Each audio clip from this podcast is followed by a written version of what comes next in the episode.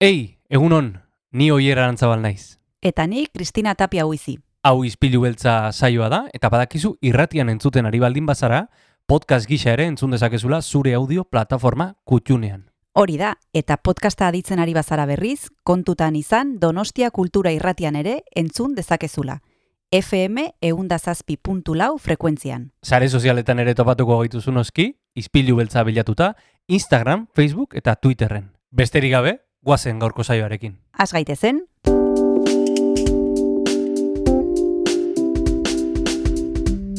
Ispilu beltza. Donostiako kulturaren berri, Oyer Arantzabal eta Kristina Tapia buizirekin. Egun honen zule urtarrilako goita ditu urtarrilari pare bat egon baino etzaizkio falta eta gaur astelena da hemen Donostia kultura irratian izpilu beltzean. Astelena da eta Kristina e, ostiaren esaten genuen, ez? E, bagatoz uda kutsu batekin, no? E, uda nostalgiarekin. bai, izan ere segituan etorriko da, segituan helduko da, eta gu konbidatu dugu Miguel Martín, Donostia Kulturako musikarduraduna eta jasaldiaren zuzendaria, izan ere iragarri dituzte ondair, on- ordainpeko kontzertuen izenak, e, kartela aurkeztu dute, eta bertako taldeen prozesua ere hasita dago, beraz e, informazio pila bat emango digu, kon, e, sarrera batzuk agortuta daude ja da, e, oier, pentsa, e, Nora Jonesen kontzerturako ez daude, Ben Harperreko kontzerturako oso gutxi gelditzen dira, beraz, e, asko falta da, baino bixi-bixi biliberko gara, eh? Bai, ze konturatzerako sarrerak amaitu dira, eta oraindik urte hasi baino ez dugu egin. E, Hori da, de-. Depresiboa da, asunto hau, eh? Baina Miguel, Miguel Martinek kontatuko digu nola doan jasaldia. Bale, bale. E, hori da, Gabonetako e, argiak bezala, e, gerozta lehenago jartzen dira. Hemen sarrerak gerozta lehenago jartzen dituzte, eta amaitzen dira. Tira, Bai. entzule badakizu, e, mugitu eta sartu donostiakultura.eusen sarrerak e, eskuratzeko lehen bailen, bestela, batera geratuko zara. E, astelena da, Mikel Iturriarekin kultur periskopia begiratuko dugu, jasaldia zitzen dugu, eta Jon Garziaren musika ere izango dugu, beraz, guazen berarekin. Goazen gaurko izpilu beltzarekin.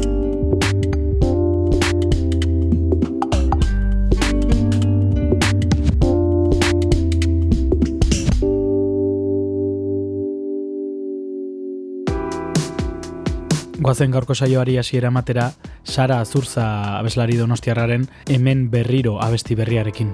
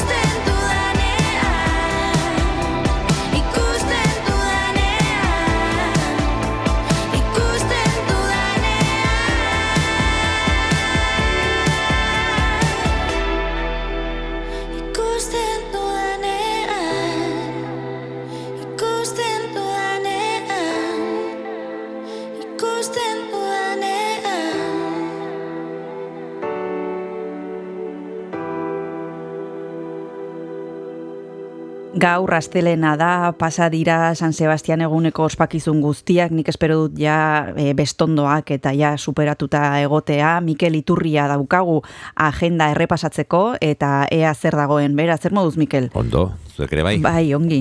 Ja martxa guztiz hartuta. Nik uste dut ja urtarrilaren hogeia pasata gero ja, esan dezakegula urtea haste- hasten dela normal, normal, ez? Bai, bueno, hemen beti dago, baina festen aldetikan badakizu daudela e, kalderero bat, Bai. eta i, i- inudiak, eta guztutu.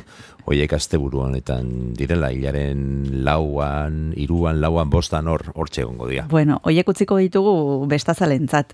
Guk eh, Bai. hemen beste gauza batzuk aipatu behar ditugu. Mikel, e, urtarrila esamezala bukatzear dugu, gaur urtarrilaren hogeita marra da, eta otxaila ateioka e, ongi iruditzen baldima zaizu, begiratuko dugu Donostia kulturaren agendan astean zehar e, zer izango dugun, eta hasiko gara antzerkiarekin beti bezala. Hori da, antzerkiarekin hasiko gara eta sartuko gea otsailean, esan bezala, hiru antzeslan ditugu, e, alde batetikan e, euskarazko antzerkia, ostegunetik larun batera, Santelmon, ostegunean eta larun batean zazpiterrietan, e, ostiralean saio bikoitza, zesberdinak tantxaka teatroaren e, bueno, ba, montaje berezi bat, e, garun paril, paralisia duen kazetariak eta kontraesanetan erdi itxota dailen goxoki saltzaile bikote bat, bere bizipen afektiboak, sexualak eta bat humorez eta minez tindatuta. e, esan beharra dago, ia dana e, salduta dagoela, orduan e, ba, aforoa ere ez da oso handia eta, eta tida saldu da. Zuzendaritza Mireia Gabilondorena da eta egileak dira Telmo Irureta eta Kepa Errasti. Eta interpretareak ba, ba, ba, Telmo Irureta bera eta Itziber Garmendia eta okerrezpanago hoietako baten bat e, gurean izango dega bihar. Bai, Aiziber Garmendi aktorea gomidatu dugu honi buruz e, solastera gurekin lau emanaldi izango dira, e, ez da ohikoa eta esan bezala ja sarrerarik iaia ez dago, beraz e, norbaitek nahiko balu e, azkar e, ibili beharko du. Eta era berean asteazkenean izango dugu hemen Javier Barandiaran aktorea eta lanaren sortzailetako bat etorriko da larun batean euskaraz itsasbera eta gaztelaniaz igandean marea baja egiako gazterzenan izango dugu antzeslan hau e, antzeslan hau ikusiko aukera izango dugu eta gurekin izango dugu esan bezala Javier Barandiaran. Mikel. Ba, oso ondo, ederki, entzungo ditugu, e, abertzer duten esateko, eta jendea gonbidatuko dugu ba, ba joatea, ez? Esan bezala pez limbo izango da egian, asteburuan, e, itxasbera eta marea bajarekin. E, bueno, bi aktore ere kasu honetan, e, fen, bi feniz e, gazti, diote bai, bi, giron, bi gizon beren suizida zena zapaltzen, etxean tanga, txankleta eta lumazko berokiaren ibiltzearen existentzialismo horrela daukate e, jarrita sinopsian, ez? Eta, bueno, pues hause, antzerkian genuena, e, Kristina. Oso ondo, antzerkiaren errepasoa egin dugu eta orain e, dantzari erreparatuko diogu Mikel, zer izango dugu datozen egunetan? Ba, ikuskizun bakarra, baino bi emanaldi. Vitorio Mhm. Eugenian, ostiralean eta larun batean, osaiak irutalau, jarin, e, kulturen arteko topaketa bat proposatzen digu, zaten dute jarinek, eta da alde batetikan Jon Maia dantzaria eta bestetikan Andres Marin, bailaurea, eta zuzeneko musika Julen Atxiarirena izango da. Beraz, Euskal Dantza eta fam, e, flamenkoaren arteko topaketa bat, Kristina. Ederki, ba musikari egingo digu kasu orain, e, Mikel, nahi baduzu hori baino lehen, kanta bat jarriko dugu, zer pentsatu duzu tartuntarako? Ba, gero esango dizut zergatik, baina bain jarri La Perra Blancoren Won't You Come On kantua, mesedez. Ederki, bagoazen entzutera.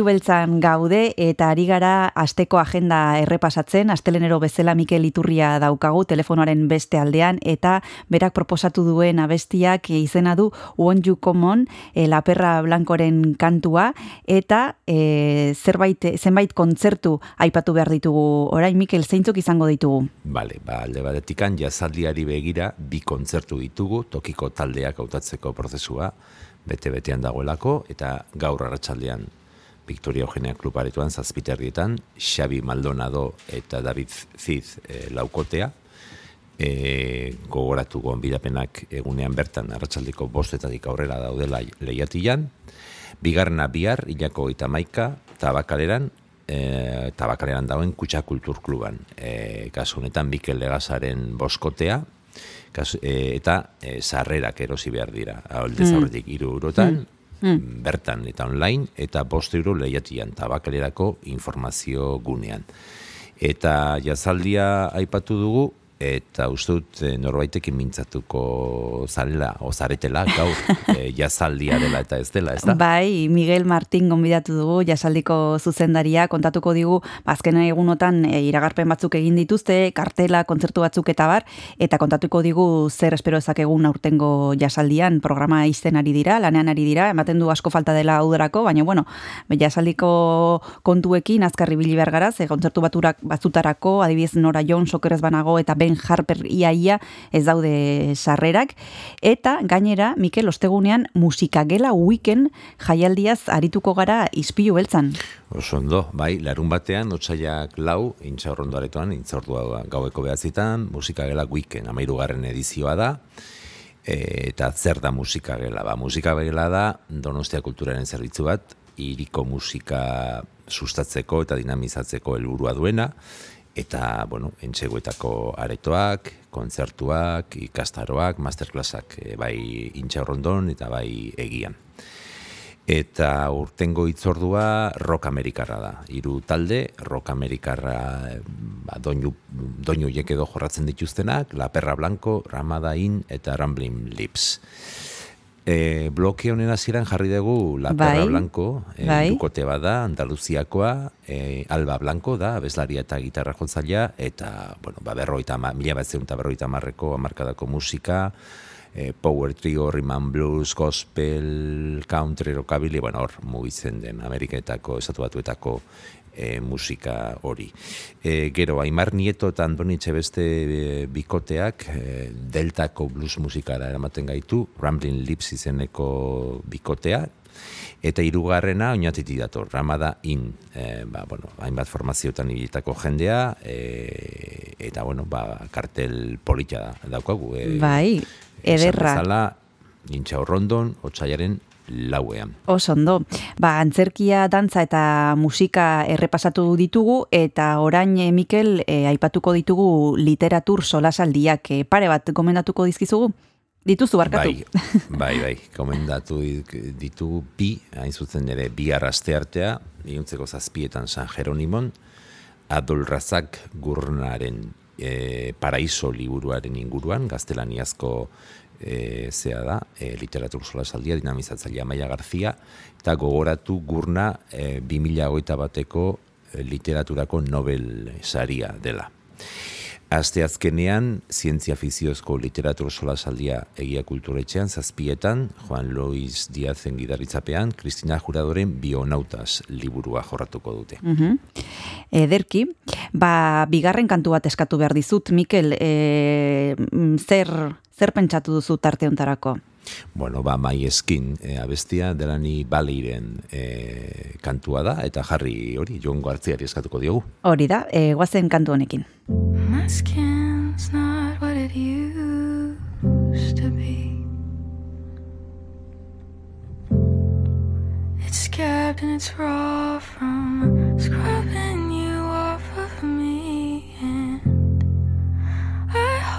the place you're hiding is safe and warm. I hope you're finding shelter from the storm, but I'll stand in the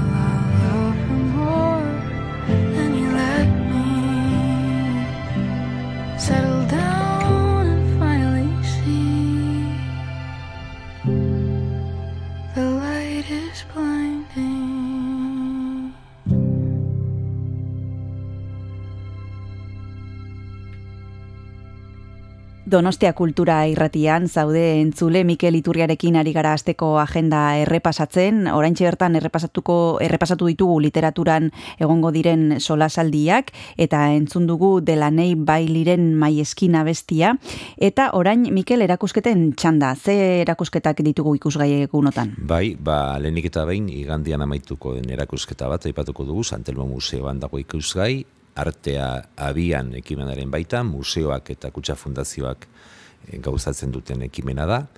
E, kimia kanbariren erakusketa mm, alef da, eta bueno, ba, ba bertan ikusgai, laborategian okerrezpanago. E, nabarmenduko dugun bigarren bizita, e, bigarrena, bizita gidatu bat da, gaur bertan, astelena, e, hilako eta marrokendo kulturetxean zazpiterrietan, e, Ricardo Ugarte, Julia Ochoa eta Urko Ugarte e, bueno, familiak danak artista dira eta hor e, bak, bakoitzak denen lanak ikusgai daude okendo kulturetxean eta kasu honetan semeak Urko Ugarte gidatuko du e, bizita gidatua, esan bezala gaur e, zazpiterrietan okendo kulturetxean. Aste azkenean inauguratuko da areto zaharrean, okendoko areto zaharrean, e, beste erakusketa bat, otxailaren amazazpirarte ungoa dana ikusgai, e, Pilar Grazia bigarren pintura amater e, lehiaketa, eta da e, Pilar, Pilar Grazia zenaren omenezko lehiaketa honetan, hainbat e, pintura edo hainbat e, jenderen lanak e, erakutsiko dituzte okendoko areto zaharrean. Ostiralean beste inaugurazio bat, kasu honetan aieten, e, mapilaren bostarte ongo da ikusgai, gaiei potoloa da, urrengoa zu, jazarpen indarkeria, eta mehatxu larriak Gipuzkoan. Gipuzkoako foro aldundia eta, Gipuz, eta Donostia Kulturen artean egindakoa, Baketik Fundazioaren laguntzarekin, eta zentratu dira mila behatzirun mila maika e, urteetan egondako jazarpen indarkeria, eta bueno, pues, e, giza eskupiden, eskupiden esparrutik e, bagerturak e, eta bat ba, e, indarkeria mota honetara.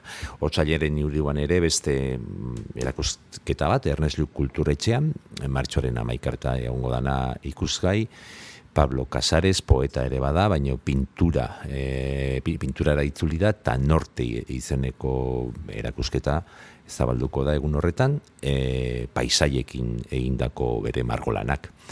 Eta hause, ez azpimarratzeko nuena, Kristina. Ederki, ba, erakusketak errepasatu ditugu eta pare bat e, hitzaldi aipatu behar ditugu pentsamendua eta gogo eta ekimenaren baitan Mikel Zeintzuk izango dira. Bai hor, pentsamendua eta gogoetan ba, pentsatzeko hitzaldiak eta e, batzen ditugu, gure webgunean horregatikan ditu diogu pentsamendua eta gogoeta, eta biak dia Santelmo Museoan iluntzeko zazpietan, bihar urtarrilako eta maika, Rosako eta miren, Gutiérrez, Resistencias frontales a la igualdad, hau da Destuko Unibertsitatea eta Santelmo Museoaren arteko ziklo bat, berdintasunaren aurkako erresistentziak izenekoa, eta lehenengoa da Rosako teori, teori alaria, ikertzaile eta jazle feminista, eta berarekin batera Miren Gutierrez eh, Santel, eh, Santelmoko ez Deustuko Unibertsitateko irakaslea.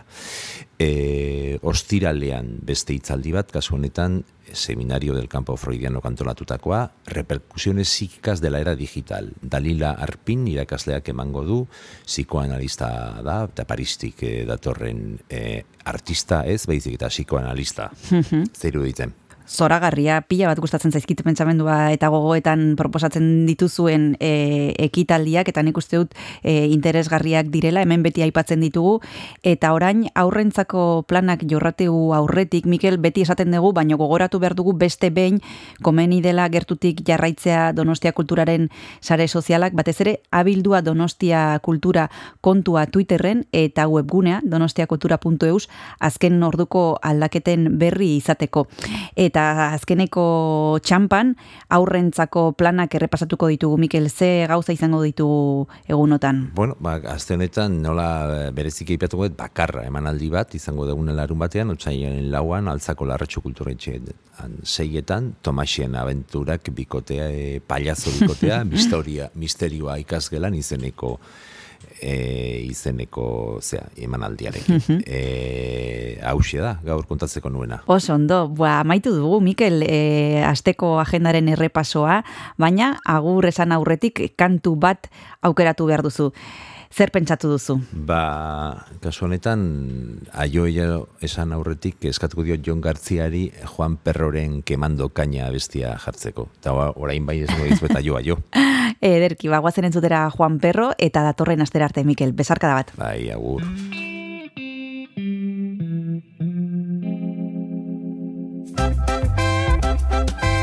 Más azúcar, señorita, que la dulzura no mata. En su tacita de plata, tome otra cucharadita. El ingenio, mientras tanto, tiembla de espanto y bulle de sudor. ¡Ay, qué dolor! Yo vengo quemando cañas, sí, señor. Para el puerto de La Habana va el tren con su cargamento, que es puro refinamiento de melodía italiana. Hemos cerrado la venta, no echemos cuenta de la mortandad, ay qué maldad. Yo vengo quemando cañas sin piedad. No eres Congo ni Abacua,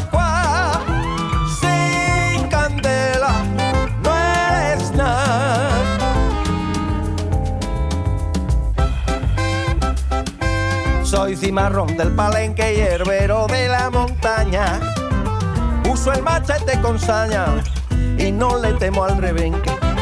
Soy fugitivo de España y entre la caña brilla mi esquero ay lucero. Yo vengo quemando caña, compañero. Quemando caña, quemando caña, quemando caña, quemando caña. La, la, la.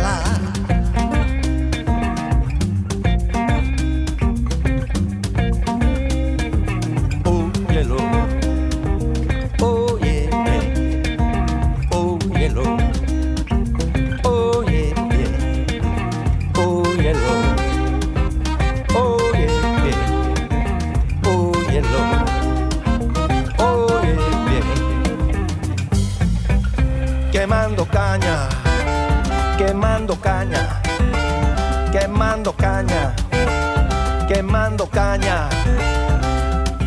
Soy cimarrón del palenque y herbero de la monta. Uso el machete con sal y no le temo al revés. Soy fugitivo de spa como luce mi es que eche un trago compañe. Yo vengo quemando ca, quemando qué, quemando caña, quemando caña, quemando caña, quemando caña.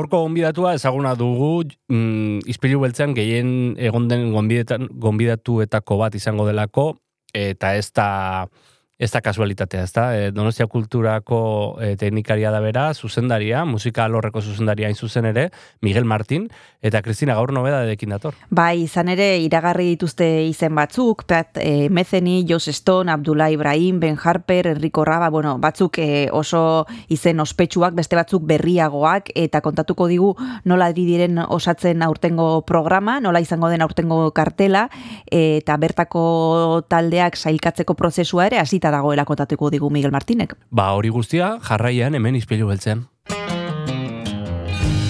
knew a girl, her name was Truth. She was a horrible liar. She couldn't spend one day alone, but she couldn't be satisfied. When you have everything, you have everything to lose. She made herself a bed of nails, and she's planning on putting it to use. But she had diamonds on inside.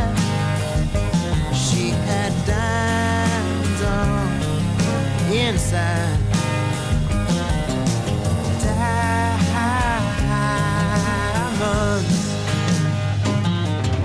A candle throws its light into the darkness. In a nasty world, so shines a good deed. Make sure the fortune that you see is the fortune that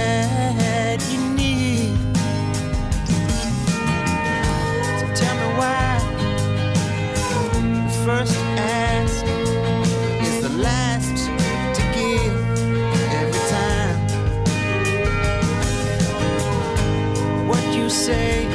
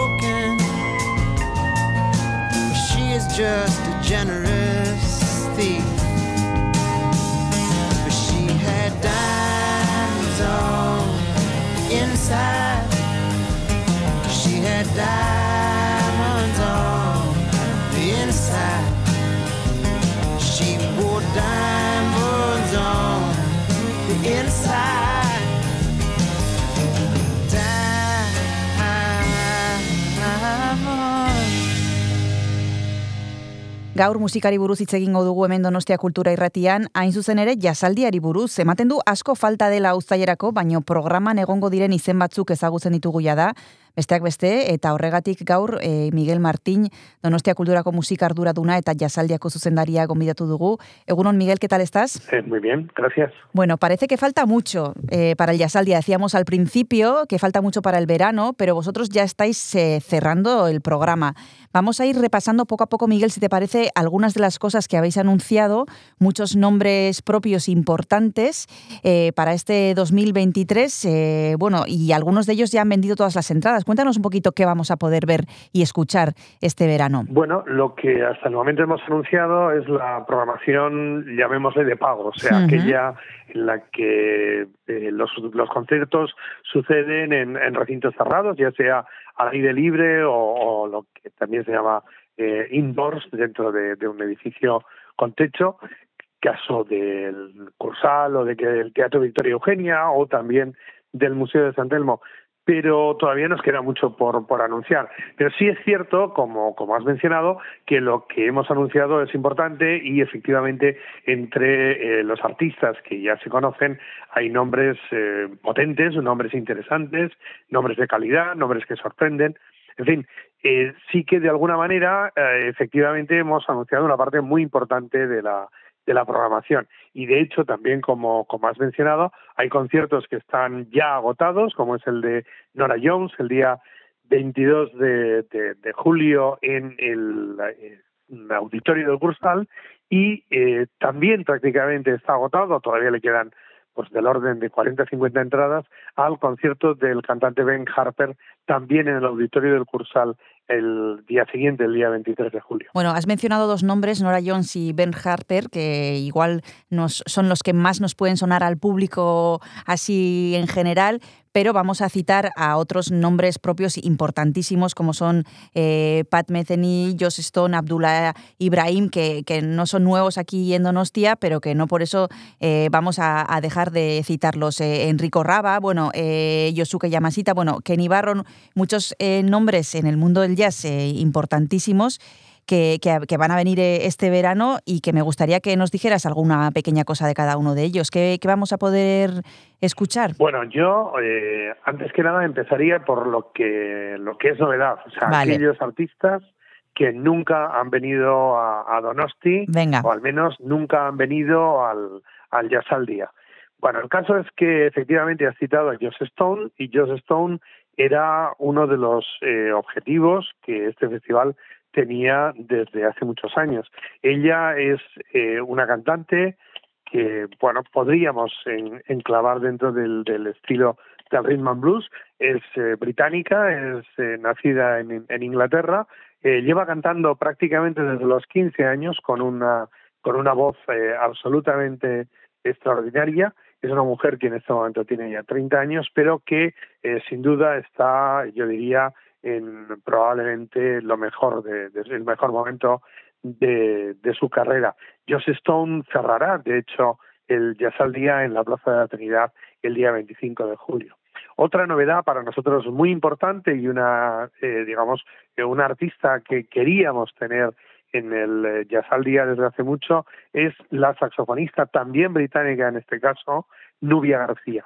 Nubia García es, es una mujer con un, eh, como digo, saxofonista, con un sonido impresionante, potente, con una forma de interpretar arrolladora y es una mujer que de alguna, de alguna manera es eh, una de las grandes estrellas del nuevo jazz británico. Por ello, eh, por su condición de joven intérprete de nombre eh, emergente y también por su calidad eh, y eh, como representante de ese jazz, jazz británico que te comentaba, también era objetivo para nosotros y efectivamente eh, Nubia García estará en el Jazz al Día el día eh, 23 de julio en la Plaza de la Trinidad. También estará en la Plaza de la Trinidad el día siguiente, el día 24 de julio, un músico probablemente poco conocido aquí entre nosotros. Es un músico, sin embargo, con un prestigio extraordinario. Es un, es un hombre que, bueno, lleva eh, unos años ya en el, eh, yo diría que en, la, en el top del jazz europeo. Es el austriaco eh, David Helbock, que viene con un grupo lleno de, estrellas, tanto americanas como, como austríacas, y que actuará en la Plaza de la Trinidad el día 24 de julio. Junto a ellos, nombres ya conocidos, efectivamente, como mencionabas, Pat Metheny, Enrico Raba, Abdullah Ibrahim, eh, Kenny Barron, y eh, conocido, pero menos porque él estuvo hace muchos años, es eh, probablemente uno de los nombres más importantes del jazz japonés, un pianista que yo diría que está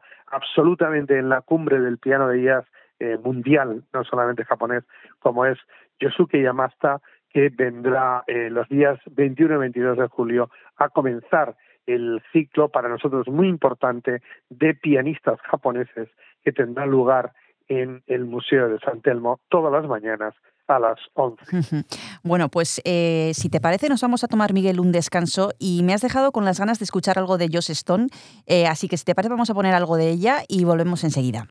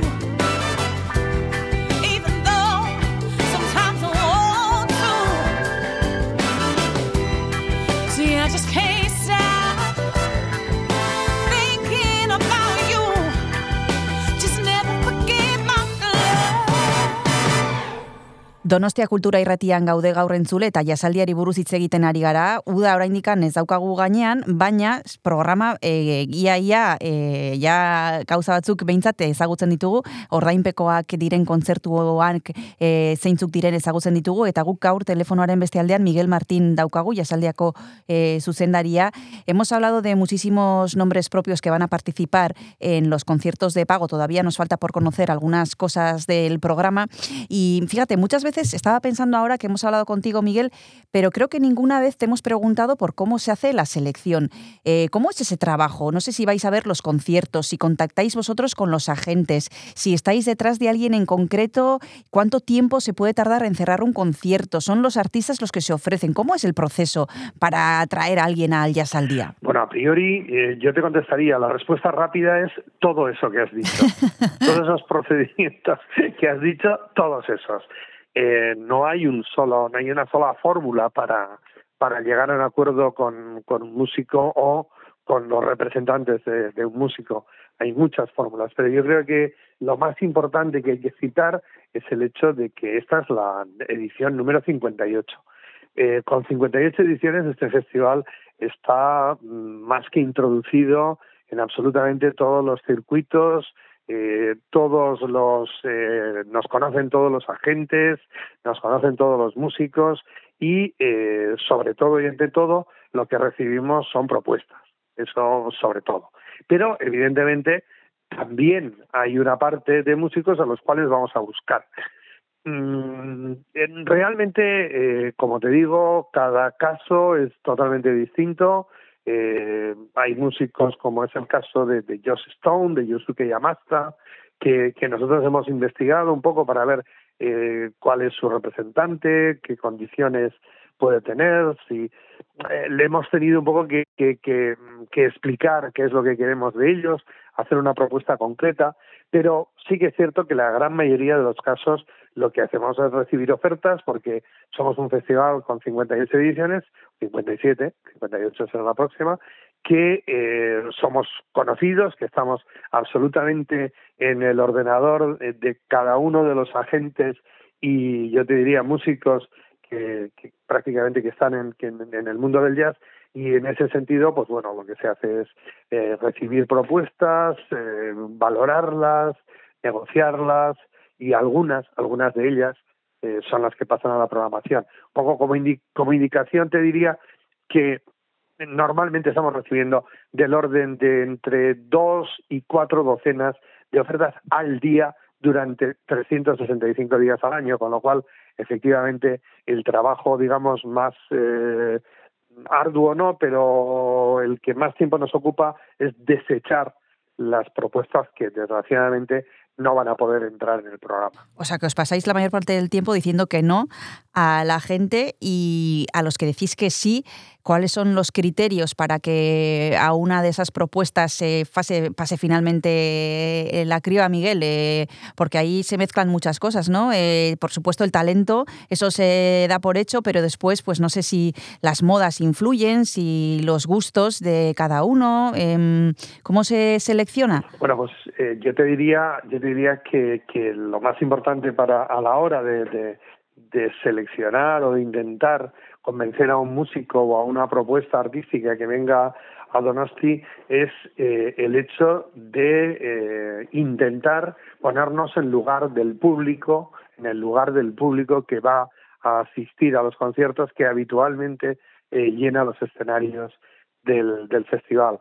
De alguna manera lo que lo que queremos es que el festival eh, ante todo y, y sobre todo dé una satisfacción real a su público. No una satisfacción fácil no una satisfacción eh, que esté basada en la calidad en la amenidad en la diversidad. Y en ese sentido pues bueno intentamos efectivamente echar mano de valores eh, contrastados. También queremos de vez en cuando y, y, además nos parece muy importante sorprender al público con propuestas que sabemos que no son conocidas, pero que intuimos que van a ser de, gran calidad y sobre todo, como te decía, valorar la calidad y la diversidad. No podemos hacer un festival eh, de propuestas que sean muy similares unas a otras. Tenemos que, que introducir diferentes estilos, diferentes propuestas, diferentes aspectos escénicos también, y todo ello es lo que al final, eh, de alguna manera o de otra, pues, pues cierra una programación del Jazz al Día. Eso y luego la suerte de encajar en los itinerarios, de encajar en los calendarios, de, de llegar a un acuerdo económico que muchas veces no se puede. En fin, hay eh, muchos aspectos que tener en cuenta. Muchos aspectos que hay que tener en cuenta. Algunos ya han cuadrado, como los nombres que hemos citado anteriormente. Nos vamos a tomar el segundo descanso. Y si te parece, vamos a escuchar algo de Nubia García y volvemos ahora mismo.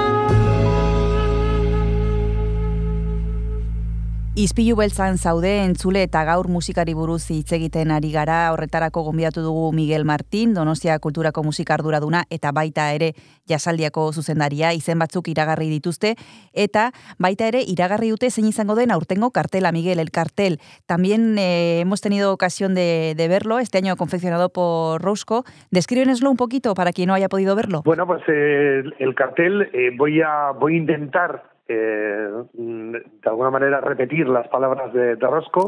El, el cartel parte primero de, de un, de un encargo del propio festival. Ujú. Rosco hizo en el año, en la edición número 54, hizo un cartel eh, fantástico, antológico, con una representación de la, de la Plaza de la Trinidad llena y durante un concierto que, que todos eh, recordamos, especialmente yo, porque lo tengo siempre en mi despacho, pero eh, de alguna manera nos pareció que, que Roscoe debía volver a hacer el cartel del, del Jazz al Día y por tanto se lo pedimos. Entonces, él eh, recuperó un cuadro que él había pintado con una, una mujer que estaba, en, digamos, en el lado del río de, de, la parte vieja, pero se veía el cursal al fondo. Y entonces, inspirándose en ese, en ese cuadro que él había pintado, pues eh, pensó que esa mujer podía ser una saxofonista, una intérprete de jazz y eh, la hizo, le hizo acompañar por eh, dos chicos que uno de ellos tocaba la batería, otro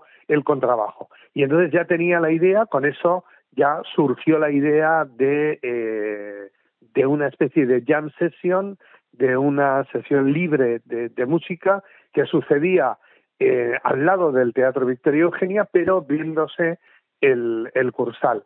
Y, ese, y esa idea la plasmó en un, en un trabajo digital y nos la, nos la propuso, nos encantó y además eh, él, que es un gran trabajador y que tiene unas ideas eh, extraordinarias, pues decidió además que iba a hacer ya el, los diseños de las banderolas que durante el mes de, de julio estarán en las eh, farolas de la, de la ciudad y que eh, contienen la imagen de cada uno de esos tres músicos, la, la chica saxofonista y los chicos eh, batería y bajista, que eh, en este caso ya individualizados también los veremos eh, durante, durante el mes de julio por toda la ciudad. Y la verdad es que, como siempre con Roscoe, eh, se acierta. Se Hmm. acierta.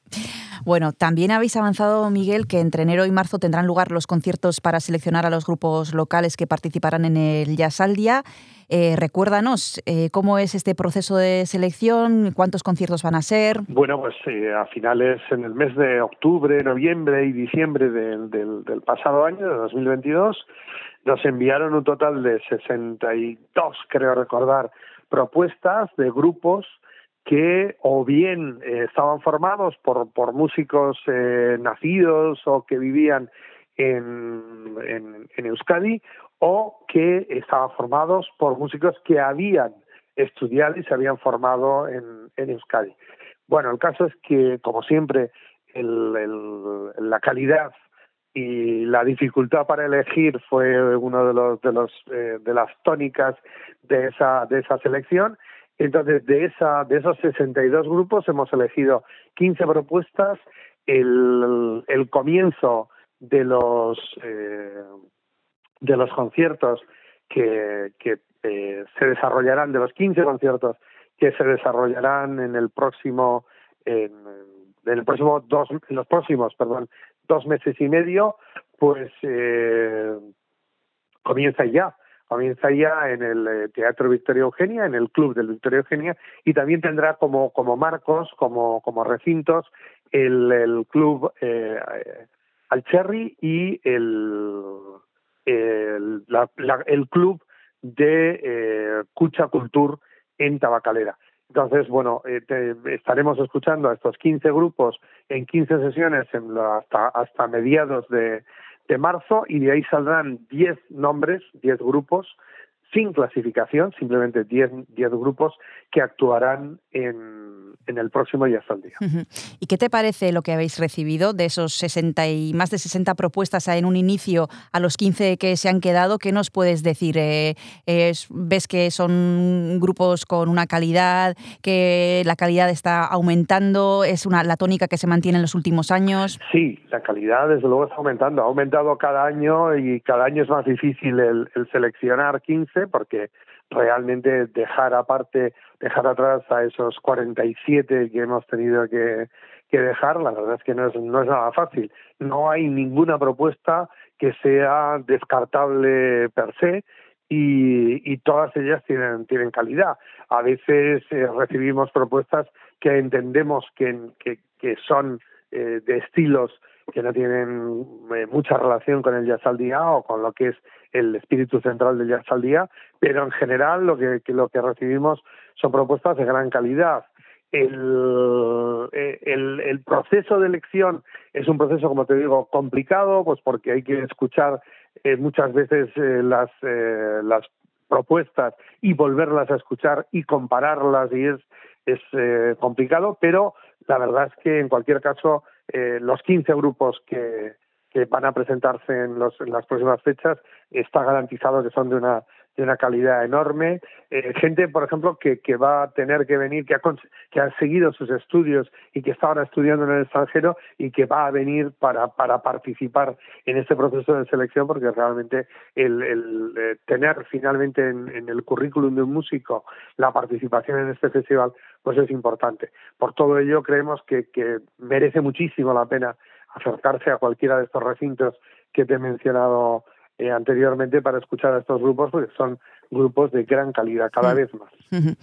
Finalmente, Miguel, como decíamos al principio, eh, habéis anunciado los grupos y, las, y los artistas que van a participar en este Jazz al Día desde el 2023 en los recintos de pago, pero falta por conocer eh, otro, otro grupo de personas que actuarán en, en- en los, en los recintos gratuitos, en los espacios gratuitos. ¿Eso cuándo lo vamos a saber? ¿Tenéis pensado ya la fecha para anunciar eh, lo que falta? Bueno, pues eh, antes hablábamos de los procesos, de cómo se seleccionaban a los grupos del, del festival, ¿no? Y, una de las cosas que te mencionaba es que luego dependías un poco de la suerte, de conseguir que los calendarios cuadraran y demás. Nosotros, a tu respuesta, digo, perdón, a tu pregunta, la respuesta rápida es en cuanto podamos.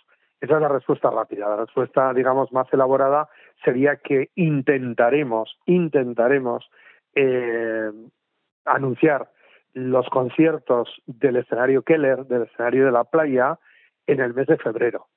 Y que eh, el resto de los conciertos, todos los conciertos gratuitos que tienen lugar en las terrazas del Cursal, en el escenario del, puerto, el Nauticul y algunos otros escenarios que se irán añadiendo eh, de aquí al, anuncio definitivo del programa de Días al Día, pues eso eh, me imagino que lo podremos seguir anunciando durante el mes de abril, pri- primeros de mayo, en fin.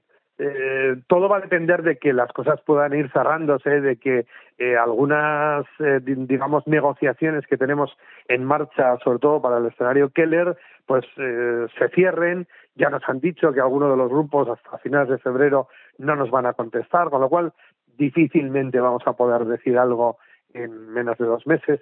En fin, eh, en cualquier caso, el objetivo es anunciarlo lo antes posible porque la gente quiere saber y nosotros eh, somos perfectamente conscientes de que, de que la gente quiere hacerse sus planes, quiere conocer las programaciones y que evidentemente nuestra obligación es eh, dárselas lo antes posible, pero las circunstancias irán mandando y nos dirán cuándo podremos anunciar unos y otros escenarios. Muy bien, pues quedamos pendientes de esos, eh, de esos conciertos que todavía faltan por anunciar. De momento lo que tenemos es eh, lo que ya hemos dicho, algunos nombres propios y algunas novedades que nos ha desgranado Miguel Martín. El que quiera entradas que se espabile, porque ya habéis visto que para Nora Jones hace ya bastante tiempo que no hay, eh, para Ben Hamper quedan muy, muy poquitas, así que, bueno, el Jazz aunque parece que queda lejos, viene poco a poco y van quedando entradas para algunas cosas ya, o sea que, que se espabile el que quiera el que quiera comprar entradas para los conciertos que hemos mencionado anteriormente.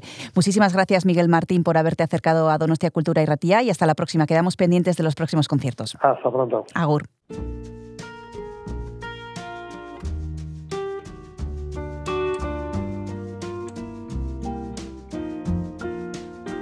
I waited till don't know why I didn't come. I left you by the house of fun. I don't know why I didn't come. I don't know why I didn't come. When I saw the break of day, I wish that I fly away instead of kneeling in the sand, catching teardrops in my hand. My heart is drenched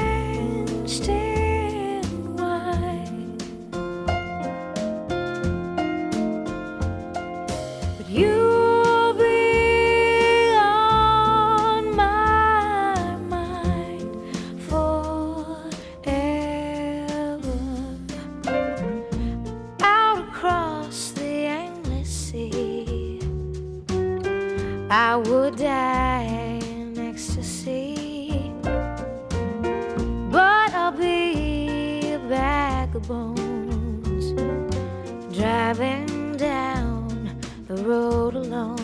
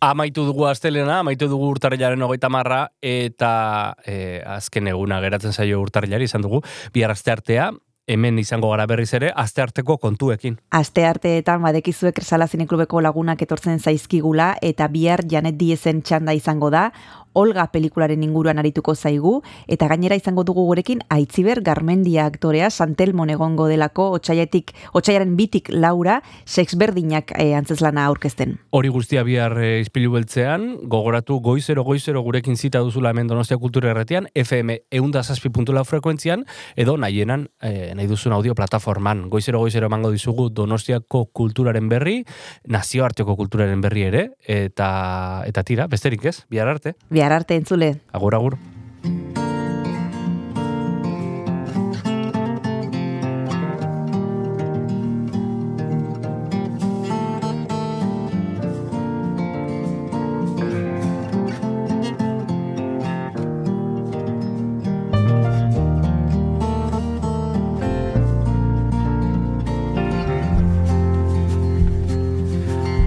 This is how I tell it.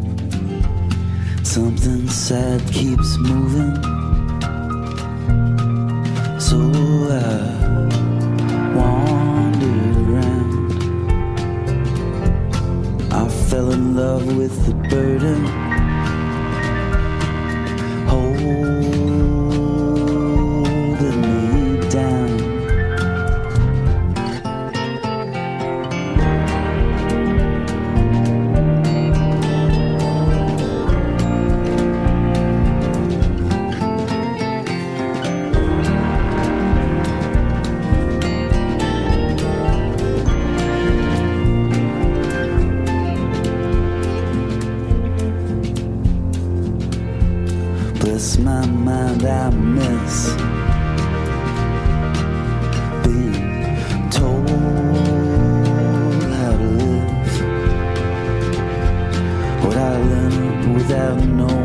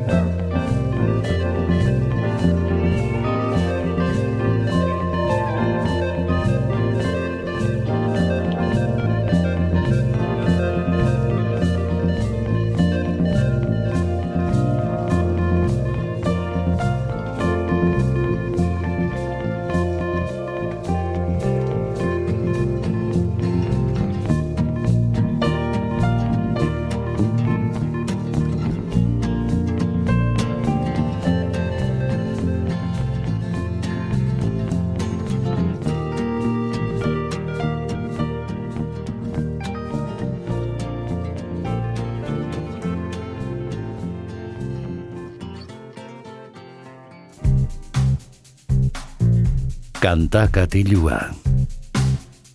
Jon Gartziaren eskutik. Kaixo entzule ongetorri kantakatiura, iritsi gara ispilu beltza agurtzeko momentura, eta bakizu hemen musika ipintzen dizuegula ispilu beltzari agur-agur esateko, astelenetik ostilalera Donostia Kultura irratiaren uinetan, eundazazpi puntolau frekuentzian, eta gaurkoan ere alaxa ingo dugu, Ibai izeneko talde edo proiektu Gernikarraren disko berria ezagutzeko parada izango dugu. Arizko Zubiak izeneko diskoa hain zuzen ere, eta kantu honekin hasten da, zurekin ez zugabe izeneko abestiarekin.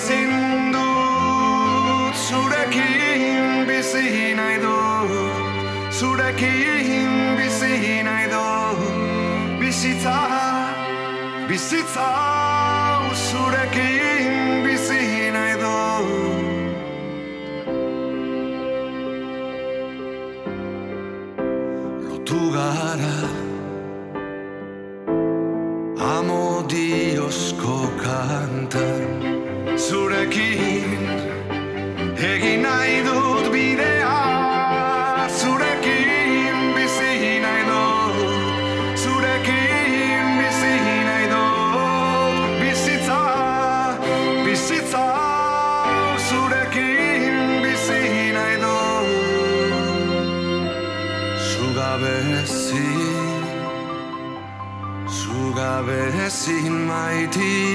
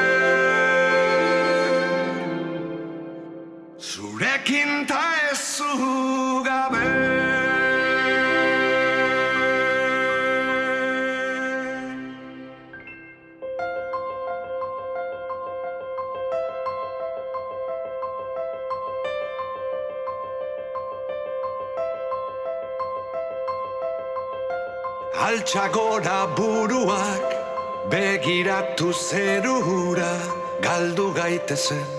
Entzinako ametxen liuran mila unibertso daude denetan omen gaude nun baitagian Akatz berdinak kenez dituzte ez nagaitezen.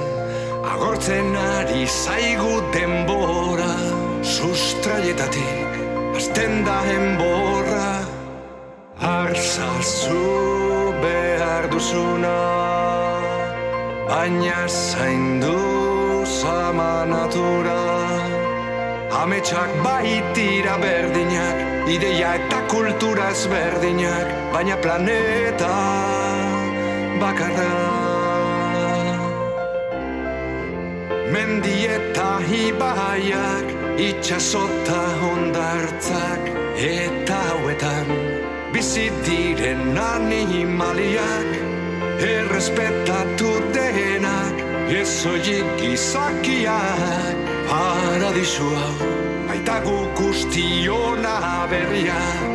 Beste mundu bat errautxetatik eraikitzean gure eskuetan dago asmatzea Arzazu behar duzuna Baina zaindu zama natura.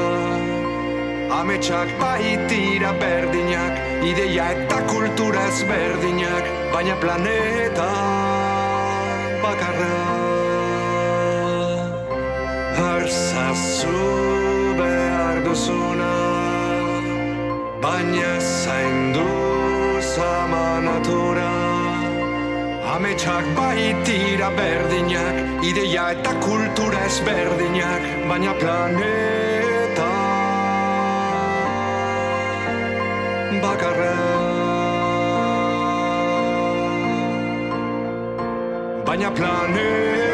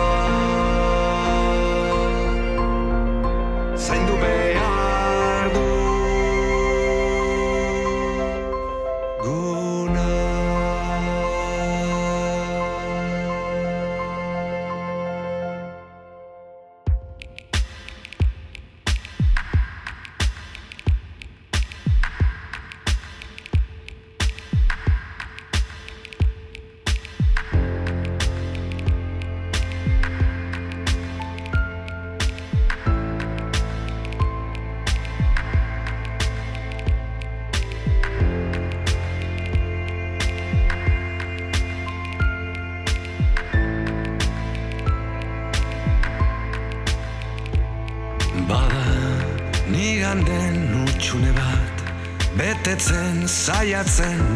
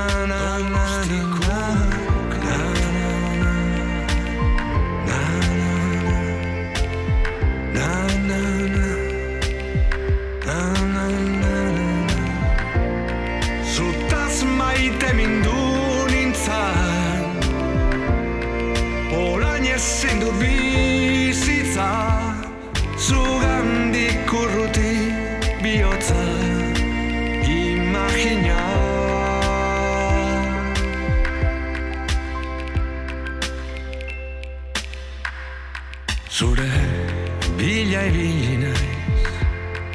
Ez zaitut aurkitzen eta Hasi naiz galdetzen. Nere buruai Agian igan sortu den Harima galdu bat Soilik zarela Donostiko kaletan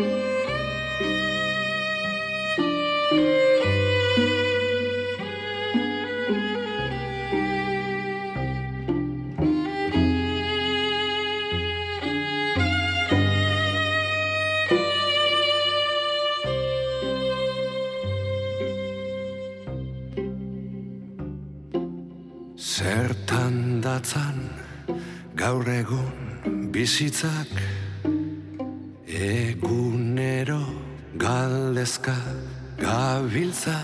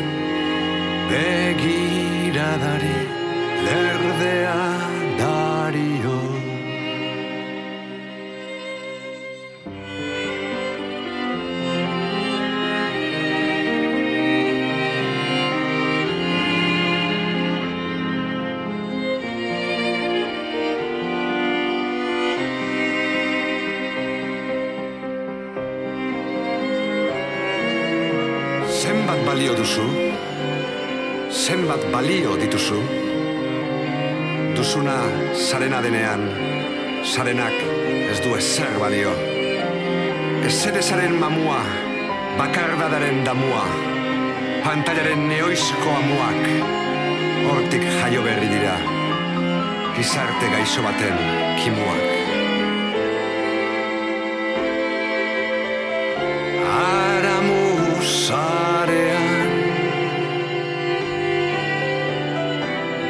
Bizigarenean Zinazkatu Betirako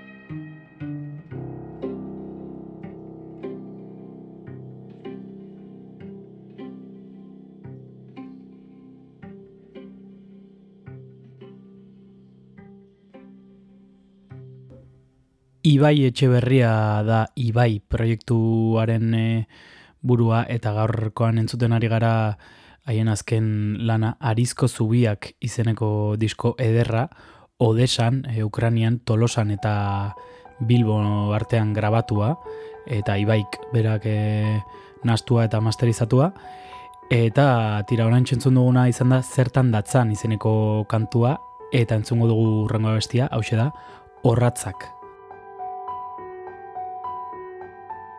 Horratzak zauritzen nauen enean. Zendatzen zaidan bihotzak errautsak Emekien emagalean. Pausatzen direnean. Wow, wow Pausatzen direnean. Wow Whoa.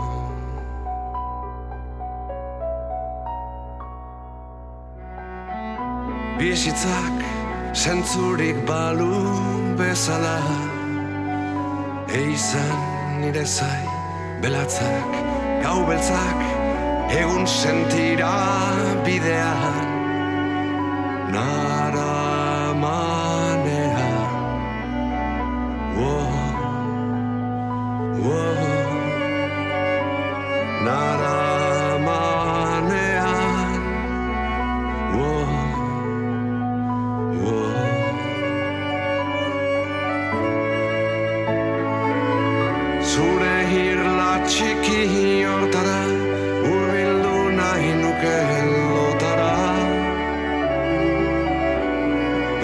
Babesleku bat Itxasoaren erdian Baina nire ipar horratzak Galdu baitu zure lorratzak Babesleku bat Itxasoaren Itxasoaren Erdian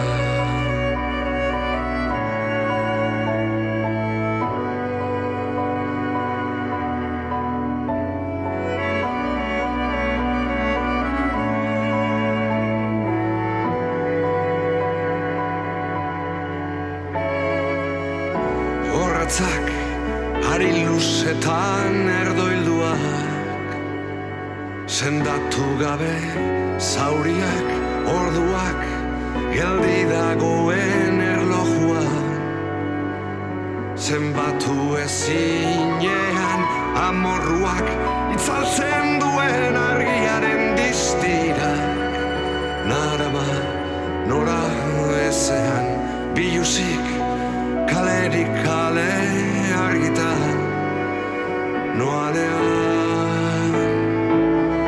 Zure hirla txiki hortara urbildu nahi nuke lotara babes leku bat itxasoaren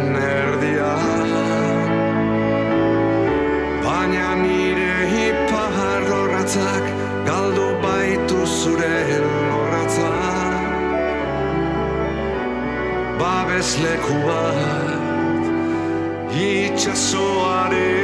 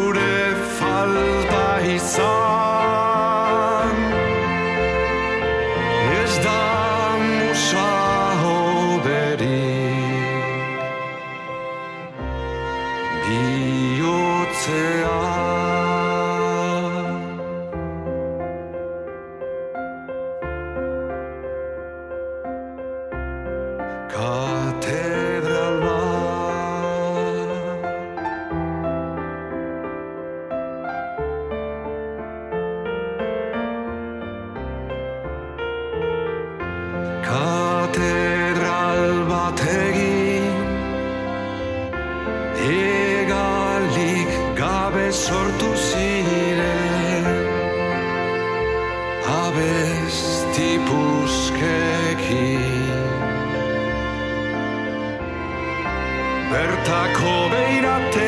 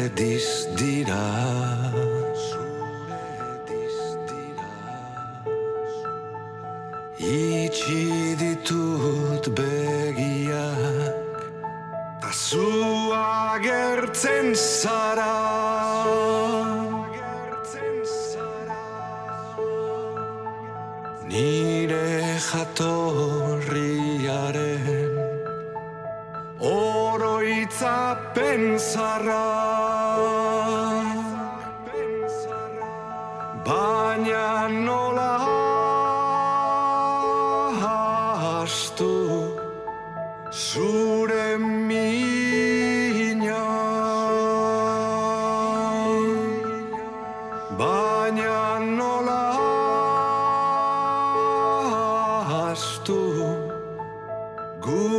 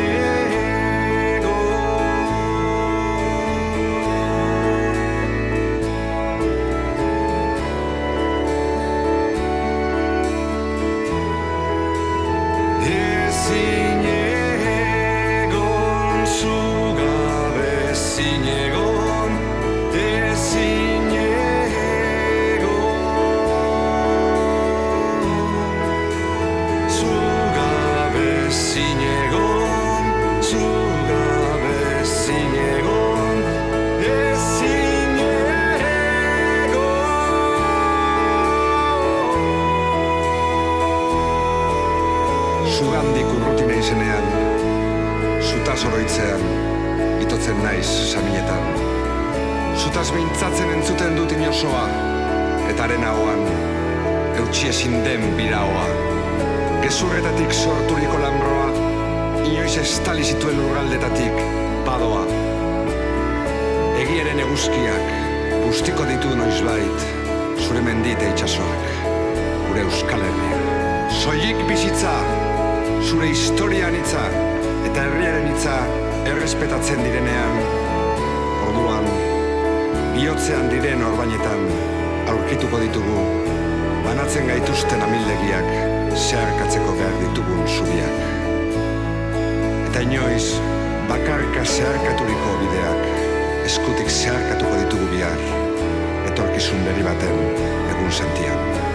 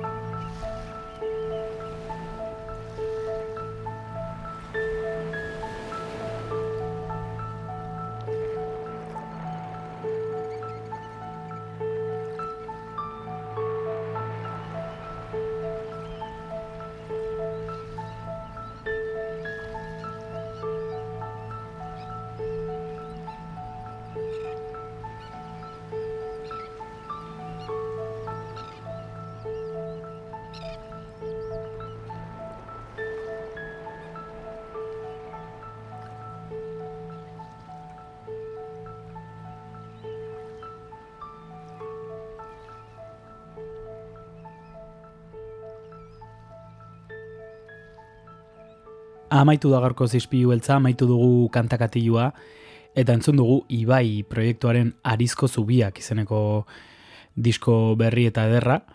Orantxe entzun duguna izan da, zugabe ezin egon izeneko kantua, eta azkeneko abestiarekin, agurrarekin, utziko zaituzet, hain zuzen ere, agur esateko blues bat izeneko kantu ederrarekin, eta bihar bueltan izango gara musika gehiagorekin, beraz, bihar arte.